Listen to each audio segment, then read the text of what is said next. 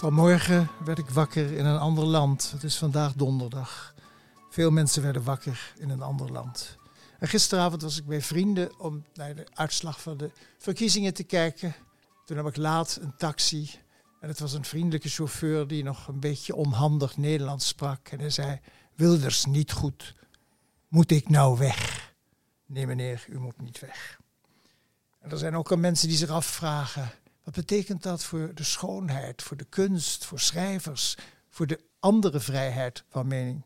En dan denk ik aan Bertolt Brecht, want die zei: In den finsteren Zeiten wird da auch gesungen werden, da wird auch gesungen werden von den finsteren Zeiten. Gouden tijden voor schrijvers. We zullen dus schrijven over de donkere tijd. En er is nog een ander troostend woord. Hölderlin, de mysterieuze dichter die 36 jaar in een torenkamertje in Tübingen doorbracht, die zei: Wo aber Gefahr ist, wächst das Rettende auch. Niet het oog, maar waar gevaar is, groeit ook het reddende. Dus laat ons niet al te zeer wanhopen. U luistert naar Van Dis Ongefilterd met Adriaan van Dis. En mijn naam is Simon Dikker Hupkes. Welkom terug, Adriaan. Goedemorgen, Simon. En je verklapt al even, wij nemen op donderdag op. Ja. De luisteraar hoort dit voor het eerst op, op zaterdag. Dus wij zitten nog heel erg vers van de lever van de verkiezingsavond gisteravond. Ja. En jij sprak die taxichauffeur. Ja. Heb je hem antwoord kunnen geven? Ik heb hem proberen uit te leggen dat weliswaar 2 miljoen mensen misschien bang zijn voor veranderingen, maar dat er nog een heleboel andere Nederlanders zijn die andere meningen hebben en dat we hem hard nodig hebben en dat hij welkom is. Ja. Maar dat is makkelijk gezegd, want nogmaals, ik woon niet in een straat waar plotseling de bakker is verdwenen en waar misschien andere mensen zijn gaan wonen, eh, waar mensen moeite mee hebben om mee te communiceren. Dus het is natuurlijk geboden om te luisteren naar mensen die het allemaal niet zo goed meer begrijpen en voor wie het te snel is gegaan. Maar ik heb wel eens de indruk dat ik ze de hele dag hoor. Ik ben ook een beetje bang dat, laten we zeggen, die beklemde elite steeds meer zijn mond gaat houden en gaat zwijgen, omdat ze zich schamen voor een geprivilegeerde positie. Daar heb ik een cliffie over geschreven. Dat je zelf ondergronds gaat, omdat je je schaamt en dat je dus ruimte geeft aan de grote bek. Ja. Werp af die schroom, zou jij Ja. zeggen. Ja. Jij citeerde Bertolt Brecht. Volgens mij is ook van hem het citaat... Wee het land dat helden nodig heeft. Hebben wij nu helden nodig? Nee, maar we hebben wel mensen nodig die de moed hebben de boel bijeen te houden. En die inderdaad bruggen slaan, maar niet bruggen slaan met boosheid. Maar ook bruggen slaan met al die mensen die nu bang zijn Ja. dat ze het land uit moeten. Ik heb dat akelige Twitter vandaag eens geopend, want dat had ik ooit opgezegd. Maar Ja. toen het X werd, vond ik het weer terug op een telefoon. Ik heb vanmorgen een half uur zwijgend al die tweets gelezen. En die gaan dus allemaal weer over mensen met hoofddoekjes. En er zit zo'n diepe, diepe haat in dit land. En dat heeft toch te maken met het feit dat je je niet verplaatst hebt in de betekenis van een hoofddoekje. Want dat heeft uiteindelijk niks meer te maken met geloof. Dat heeft te maken met identiteit. Jullie zijn tegen mij, dan draag ik dat hoofddoekje maar om te laten zien wie ik ben, want ik ben ook trots op mijn voorouders. Laat die mensen, laat die mensen. De islam zal veranderen door de moslims zelf. We krijgen een polder-islam. Dat is op alle mogelijke manieren al aantoonbaar. Ook in Frankrijk verandert een islam. Het is niet meer de islam van de Mekka, maar het is de islam die in Europa zich aanpast. We passen ons allemaal aan. Er zit een grote golf van veranderingen. Geef de mensen die tijd voor die verandering. En als je nu hekken gaat zetten en grote bekken op gaat zetten, dan duiken de mensen weer terug in de schotels gericht tot antieke godsdiensten. En bij wijze van spreken ga ik ook een boerka dragen. Dan word ik de eerste boerka travo van Nederland. Heel goed, dat willen we zien. Dus iedereen mag blijven van Adriaan. Erger nog, moed, want we hebben ze nodig. We hebben ze nodig. Eh, ja, wij kunnen natuurlijk nooit zeg maar, de, de professionele duiders en analytici eh, verslaan. Nee. En, en dat, dat is ook niet het doel van, van, deze, van deze podcast. Maar misschien als we iets meer uitzoomen. De mensen die zich zorgen maken. eh, ja, wat kan je doen zeg maar, om gewoon wel je dag door te komen? Oh, lezen, je verplaatsen. Maar ook de wereld groter maken Ja. door eens een buitenlandse krant te lezen. Want ik heb hier een knipsel liggen. Het is tijd voor het knipsel van de week. Ja, nou meteen, dat gaat over het feit dat dat Amerika ook uit elkaar valt. En dat vier van de tien Amerikanen nu wil verhuizen naar gebieden waar ze zich veiliger voelen. Ouders met een transgender zoon willen naar een staat die meer oog heeft voor dat soort zoektochten van kinderen. Mensen die weer aan de rechterkant zitten willen weer naar een staat waar ze veel meer met vlaggen zwaaien. Eh, en dat zie je ook in Nederland, dat, dat dingen uit elkaar vallen. De gemeente Amsterdam die de mensen geen woning kan bieden, zegt verhuis naar de Achterhoek. Maar ik ben juist uit die Achterhoek naar hier gekomen omdat ik de asem van de BBB in mijn nek voelde. Dus we gaan verschuiven, we gaan mensen zoeken waar we het beter mee kunnen vinden. En dat vind ik jammerlijk, want voor je het weet wonen we weer in een verzuild land, Ja. in een, in een, waarin we een soort morele apartheid zoeken tussen gelijkgezinden. En Dus in dit artikel eh, gaan mensen verhuizen binnen de Verenigde Staten ja, naar, naar andere talloze staten. voorbeelden, Ja. mensen die aan elkaar eh, worden eh, de, hun verhalen vertellen. Maar je ziet dat ook in Nederland. Er, is een, er zijn mensen die echt langzamerhand veel steeds slechter met elkaar in gesprek komen en dan maar het gelijke zoeken om het conflict te vermijden. Mensen blijven in hun eigen bubbel. Ja, Ja. Toch, Maar- als je naar die uitslagenkaartjes Ja. kijkt, is elke gemeente, eh, de- de- in het ene is de PVV de grootste en in het andere is het eh, de P van de GroenLinks. Maar alle partijen krijgen een paar zetels, dus het blijft een mega divers eh, lappendeken. dat is het. Binnen één Maar straat kunnen die naast elkaar wonen. Er wordt nu gevierd dat er geluisterd is naar het gewone volk. Maar ik ben zo bang dat mensen op iets stemmen dat hen zelf niet helpt. Want de tragiek is natuurlijk dat de Partij van de Arbeid de arbeider verloren heeft. En de arbeider heeft onderdak Ja. gevonden bij eh, meneer Wilders en bij de boer-burgerbeweging. Want Die spreken kennelijk een taal die duidelijker is. Dus misschien moeten we daar iets aan doen, aan duidelijke taal. Zonder te zwichten voor het gezonde volkservaren. Dit was weer een knipsel uit. ehm, Weer de New York Times. Ik kan Ja. het ook niet helpen. nee, maar maar dus ik- volgende keer graag een andere krant eh, goed, dan nee, lees ik iets voor uit de Haaretz. Maar ik ben ook op een andere manier in de rouw. Want mijn allerliefste Ellen Jens is overleden. Met wie ik een hele lange, liefdevolle relatie had. En eh, En dat, Ja. zij was bekend als eh, regisseur, de regisseur van, de het VPRO. programma Ja. Hier is van Dis, maar ook andere dingen. Ik ben ook met haar in India geweest. Ja.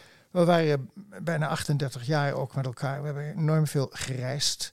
Ze was ook een beetje mijn corrector. Ik las al mijn boeken aan haar voor. Ze was mijn oog, mijn oor, mijn werkend leven. Ik las haar alles voor. En daarmee parafraseer ik natuurlijk de dichter W.H. Auden, die dat beroemde gedicht schreef over de dood van zijn minnaar. He was my north, my south, my east and west, my working week and my Sunday rest, my noon, midnight, my talk, my song. I thought that love would last forever. I was wrong. En Willem Wilming heeft dat zo fantastisch vertaald. Zij was mijn noord, mijn zuid, mijn west, mijn oost. Zij was al mijn verdriet en al mijn troost, mijn nacht, mijn middag, mijn gesprek, mijn lied. Voor altijd tijd, dacht ik, maar zo was het niet. En nou heb ik iets heel bijzonders meegemaakt. Sterven is heel indrukwekkend. Ik was in een hospice en daar heb ik haar veel bezocht. Dus in, zij was in de laatste week. In haar laatste week, een hospice is een huis Ja. waar je mag sterven, waar je verzorgd wordt, waar al je wensen worden vervuld. Ja. Behalve de wens om in leven te blijven. Waar mensen fluisteren. En dan zat ik naast haar bed. En dan wou ze met me reizen. En dan deed ze haar ogen dicht. En dan gingen wij reizen als een soort Scheherazade. Eindeloze vertellingen. Wie, wie praat er dan? Ik sprak. En zij was ja. daar te moe en te ziek voor. Maar zij keek met ogen dicht mee naar het avontuur dat ik schilderde. Ja. En waar wil je dan reizen? Parijs. Telkens weer Parijs. En ik schreef daarover in de Stadsliefde, maar een klein stukje voorlezen hoe dat dan was. Want dan zei ik, straks haal ik haar op. De vrouw met wie ik het liefste door Parijs wandel. Dan gaan we al die dingen doen die we altijd doen. Eerst een glas champagne thuis, de toosje zalm. En dan lopen naar ons meneertje, Vietnamees in de Marais, waar we al twintig jaar komen. Alleen de eerste dag. Heen over een andere brug dan terug. Beide routes liggen bezaaid met herinneringen. We kennen de eigenaar, zijn wel en wee, zijn familie. We krijgen geen menukaart, we eten altijd hetzelfde.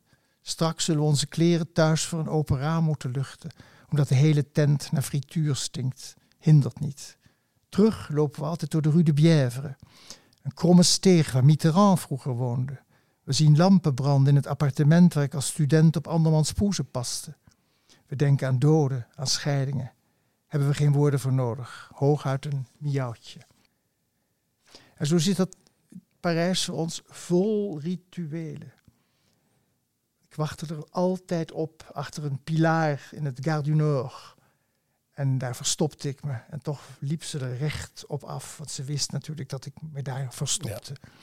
En die herinneringen, dat was prachtig. En we hadden ook andere reizen die we maakten. Dit was in de tijd dat jij daar woonde? Dat ik er woonde, in de zeven jaar dat ik in Parijs woonde, waar ze heel veel was. En in Parijs was ze mon épouse, mijn vrouw. Ja, dat krijg je in een ander land waar de mensen niet zo'n probleem hebben met uh, dubbele liefdes. Ja, dat moeten we uh, misschien heel even uitleggen voor de ja, mensen. Ja, er is ook nog een weten. andere manier in het leven van Ellen. Ja. Uh, maar dat, zo is het begonnen. Het verdient misschien geen schoonheidsprijs, maar het is wat het is. Ja.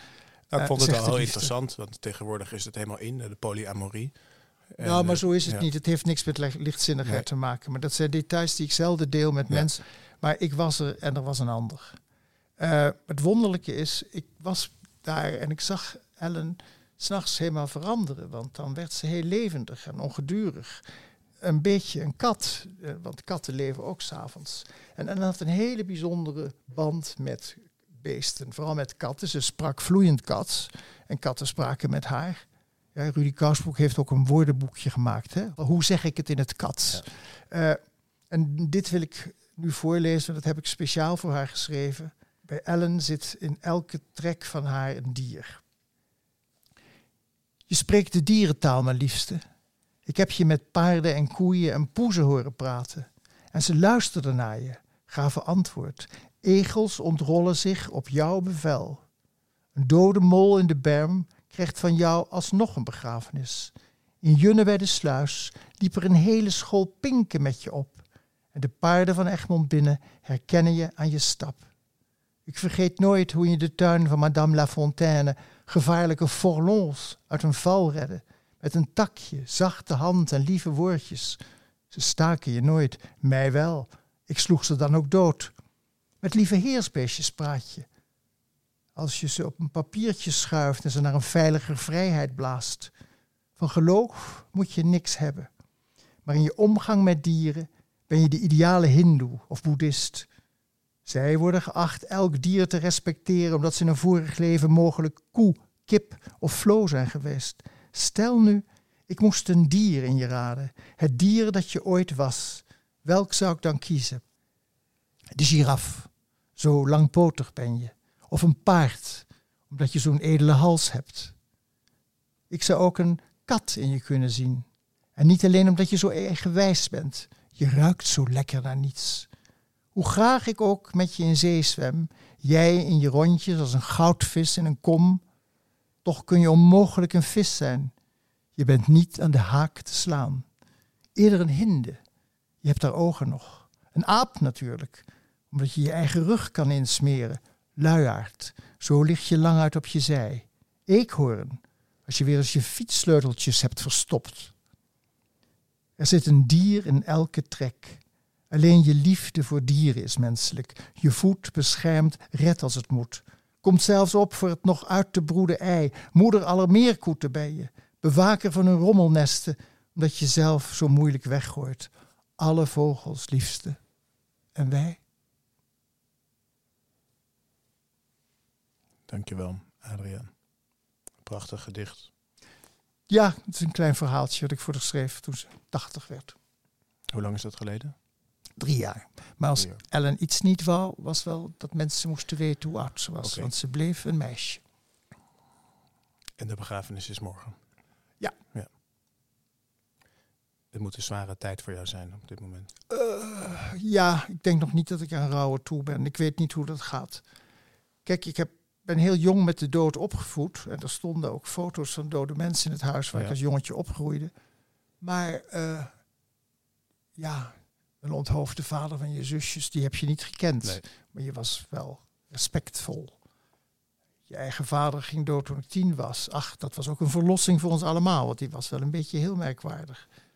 Mijn moeder ging dood. Ik dacht, nou, dat is uh, opgeruimd, staat netjes. Nu mis ik er zo nu en dan. Ja. Maar dit is iets anders. Dit is iemand met wie ik natuurlijk elke dag appjes uh, ja. uh, maakte, rebussen, honderden gedichtjes voor heb geschreven, reizen heb gemaakt. Dat wordt een nu alleen lopen, maar ik loop wel met de verhalen. Ja. Je schetste een heel mooi beeld dat je naast haar zat, dat je dan kon reizen. Zou je, zou je dat nog misschien blijven kunnen doen in je, in je hoofd? Dat weet ik niet. Ik probeer ook eerlijk gezegd de discipline te vinden. Ik geloof erg in werken, hard ja. werken. Gewoon zitten. En uh, niet bij de pakken neerzitten. Gewoon werken en kijken wat er van komt. En misschien dat de pen uh, uiteindelijk weer iets maakt waar ik troost in vind. Heel goed. Nou, laten we dan verder aan de slag ja. uh, gaan. Ja. Uh, workaholics als we zijn.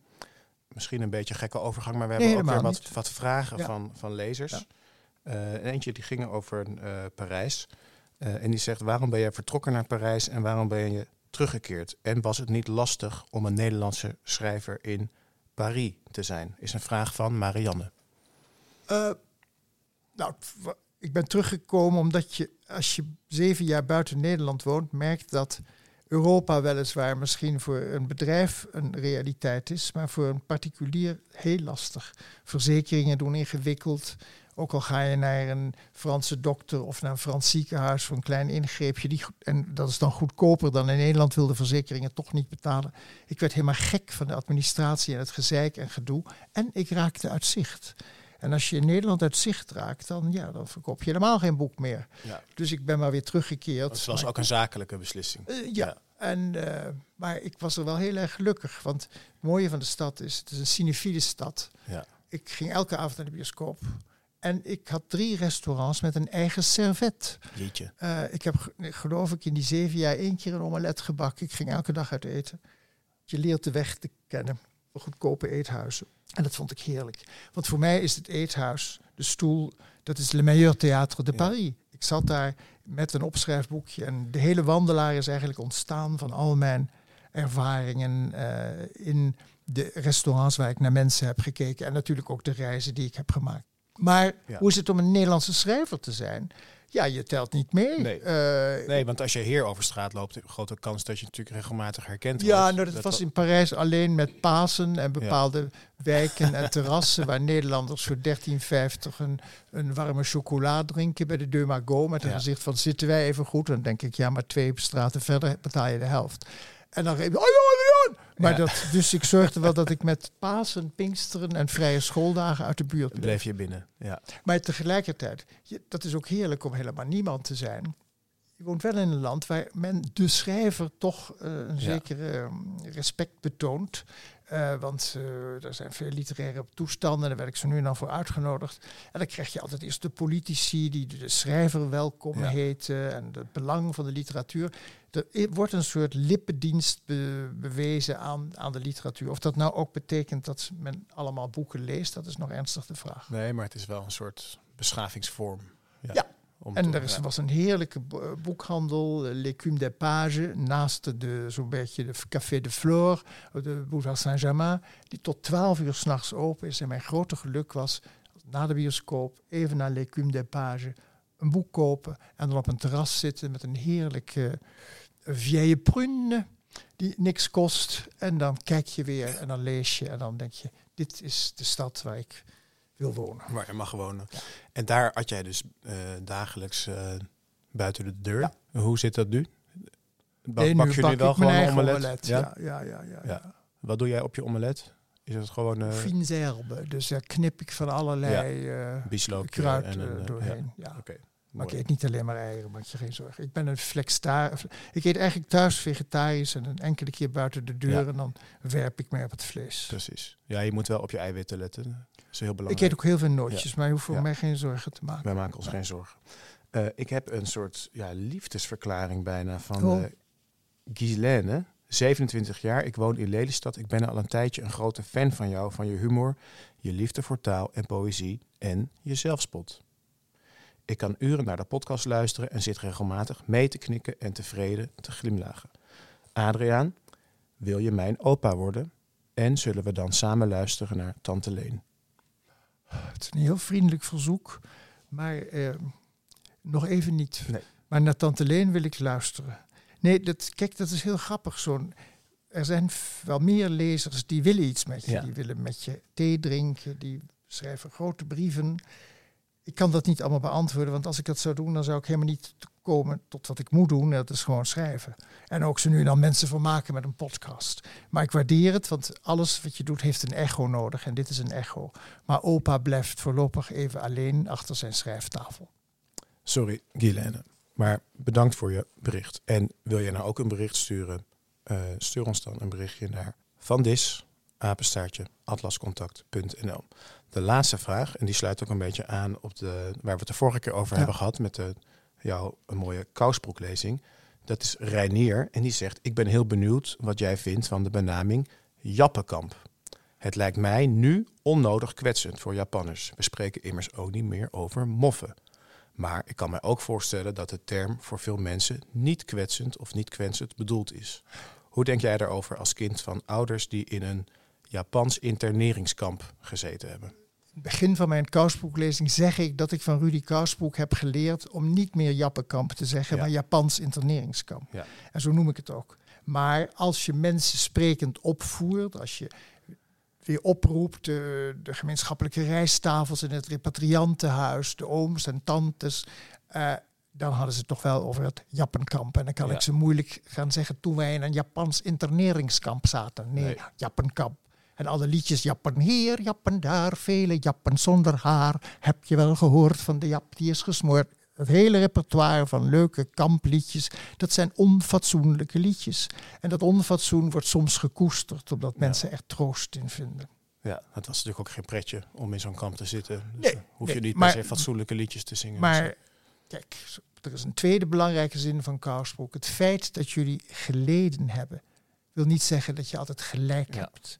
En er is enorm gesjoemeld met getallen, met het groter maken. Want er was ook zoiets als leedconcurrentie. En het bestaat vandaag de dag ook weer. Wie heeft het meest geleden? Wie, welke identiteit heeft de meeste deuken gekregen?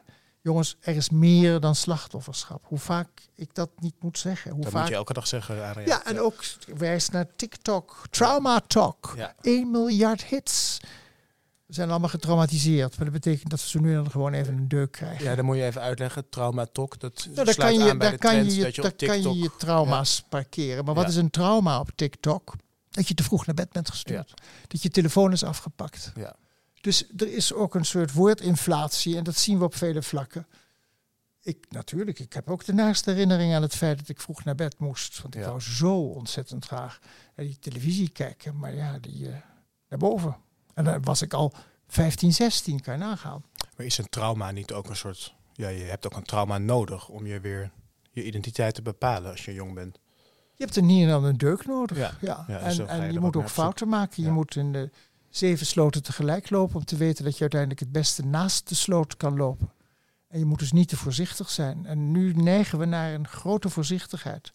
En iedereen is heel gauw gekwetst en heel gauw beledigd en parkeert die belediging en die kwetsuur.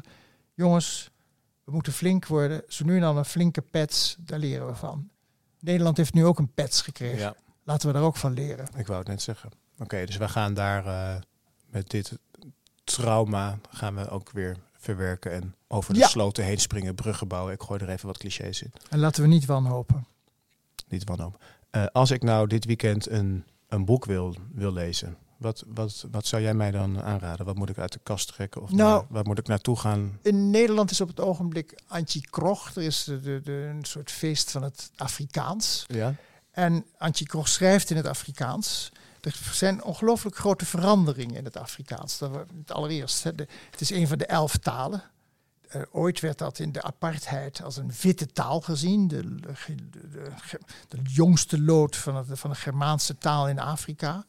Maar het heeft al lang zijn koloniale klank verloren.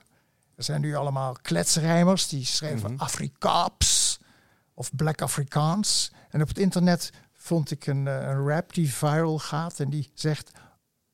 Afrikaans is not slang, Afrikaans is not broken. Afrikaans is not a lesser version of anything spoken. Afrikaans is the heart of a slave whose heart is still beating.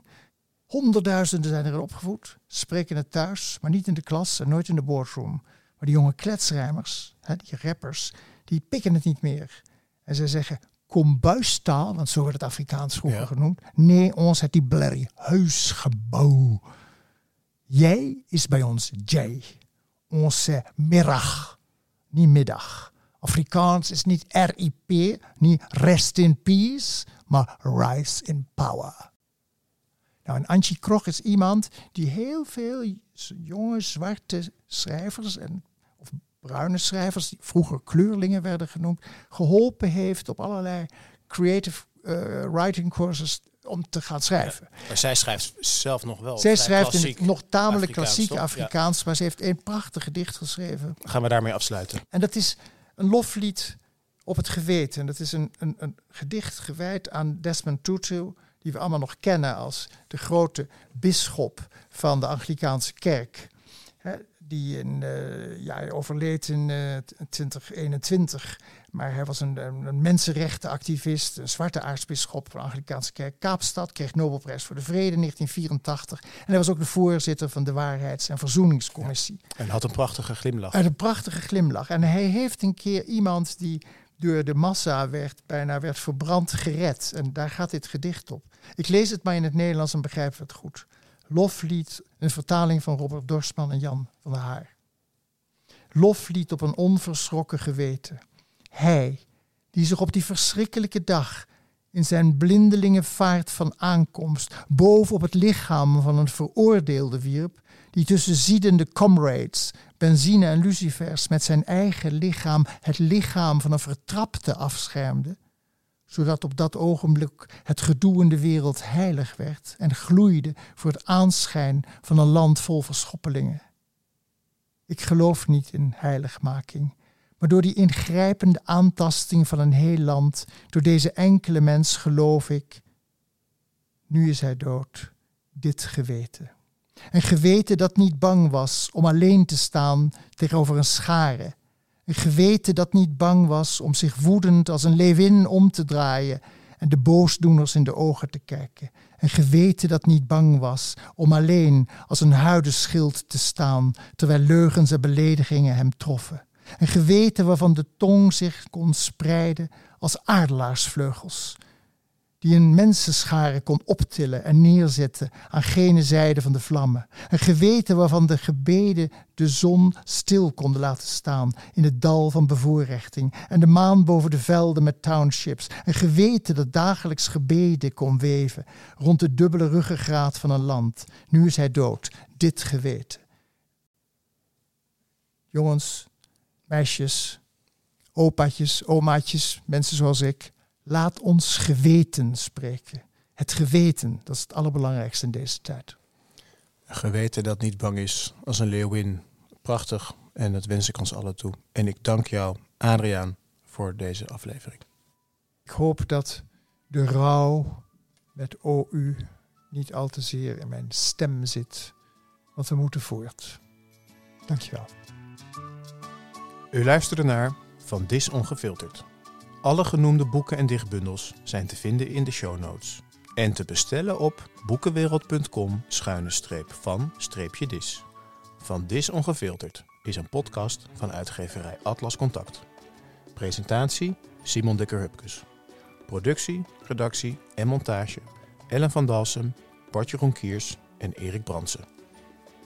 Bedankt voor het luisteren en vergeet niet te liken en te abonneren. Tot over twee weken.